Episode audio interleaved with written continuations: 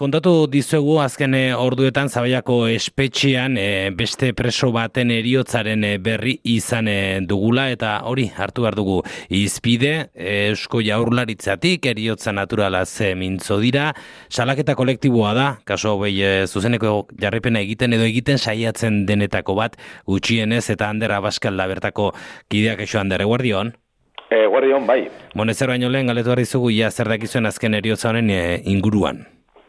Vale, pues, bueno, e, principios dakiguna, da, e, otxaiak zei, duela biegun, alegia, ba, hilo mentzela pertsona hau, eta, e, ba, bueno, ba, informazioa atzo, heldu zitzaigula.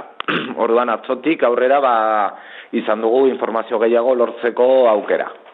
bai, hori azteko, Eta gero, ba, bueno, pues badakigu e, pertsona honen inguruan, bai hogeita zei urteko gazte bat, zela, eta bueno, jatorri euskaldunarekin.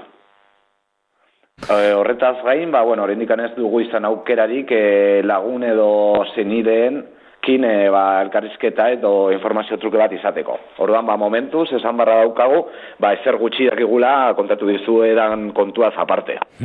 e, Lakoako gobernuak eriotza naturala, ipatu du, ez da bai estatu izan duzuen? Ba, ez, e, prinsipioz, e, e, autopsiaren zain, egon beharko ginateke, baina bai e, hainbat zurrumurru edo informazio hainbat iturritik jaso ditugu, eta ba, ilketa naturala baino, ba, medikamentu edo zeozer kimikoarek, kimikok e, eraginda izan omen da.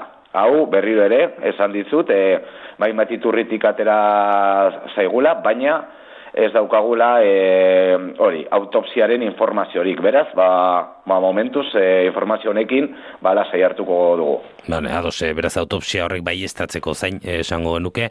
Bueno, e, aldian aldian etortzen zaizkigun albiste latzak dira espetxetatik. E, azken hilabetetan ez dakit, aldaketarik izan alda, e, aurrera urratxik espetxetako egoeran e, alako gertakariak ekiditeko ikuspegian, Ba, bueno, e, gustatuko guke esatea baietz, ikusten ditugula aldaketak, edo ikusten ditugula hobekuntzak, baina, baina ez ditugu ikusten. E, be, bai, e, azpimarratzea, bai, e, azkenean, hilketa hauek, e, kartzelen barneko hilketak, ba, ba zela, e, ba, kartzelan dagoen e, modelo edo egiten diren praxien gatik. Osa, ez direla e, ilketa soiak, baizik eta, inkluso izan dezakegu, ba, ere ilketak izan daitezkela, e, ba, presoak hor pairatzen dituzten, egoere, egoren gatik. Eta baditugu, hainbat informazio, baditugu hainbat e, kontakizun, e, hemen pairatzen diren egoeren inguruan, eta latzak, benetan, badira. Ez da egite, Eusko Jaurlaritzak espetxen eskumena eskuratu duenetik aldeketarik nabaritu duzuen, espetxe barruetan dagoen egoeretan? Pues bueno, igual eh, esan daiteke bai, eh, azkenengo kasuan, ja, bueno, uste dut, 2008 mairuko azken kasu hauetan, ba, bai ematen zuela, ba, transparentzia eta ba ezakit e, ardura bat e, hartzen e, ari zirela Euskal Gobernuak e, kartzelan egondako ba tamalezko e, hilketa hauen inguruan. Baina, bueno, momentuz egoera gaurko edo, edo kasu honetan, ba ez, ditu, ez dugu ikusten dikan transparentzia askorik. Beraz, ba, ematen zuen, igual, bai, e, hasiko zirela transparentzia gehiagorekin jokatzen eta ardura gehiagorekin jokatzen haiek eragindako egoeren inguruan, baina kasu honetan, ba hori, ba ez dugu ikusten oraindik horrelakorik. Bai, aipatu duzu ez, sarrerakoan ere ez, gertakaria izan zenetik ezagutu duzuen ere ere, tarte izan dela. Hori da, hori da. e, bueno, eta isteko, galetuko dizut, badakigu, e, egora komplexuak dira, e, zer egin daiteke edo, zer norabidetan joan daiteke agian, segun batetik bestera ez egingo genuke konpondu ziurraski, baina alako muturreko egora hauek ekidina izateko, zer norabidetan eman daitezke urratsak? Bueno, ba, ezakite gure elkartea ikus, oza, entzuleok ezagutzen duten, baina gu politikoki zein da, ba, abolizionistak deklaratzen gara, ba, ikusten dugulako kartzelaren eredu hau edo kartzela bereinean, ba, ez duela be, hartu beharko lituzken edo beto esan da, esaten edo hitz egiten duten e, funtzio horiek ez dutuztela baitetzen, aitzitik ba, negozio, et, negozio ekonomiko bat eta zigor e, struktural bat egiteko ba, erabiltzen dela. Beraz, e, hori edo pentsamendu hori errotik aldatu barko lizateke. E, gero horretaz gain, ba, Euskal Gobernuak kartzelaren e, ardura duen einean, ba, jarri barko lituzke benetazko, e, benetazko pautak edo benetazko historiak, ba, on bitartean, e, ba, tragedia hauek ez gertatzeko. Hori esango genuke.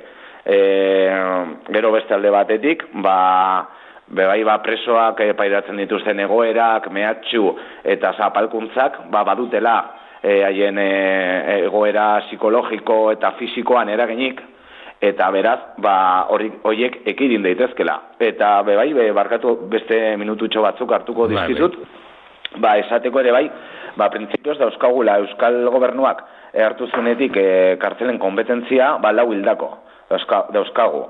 Haietako hiru zabaiako hemen arabako espetxean, direlarik.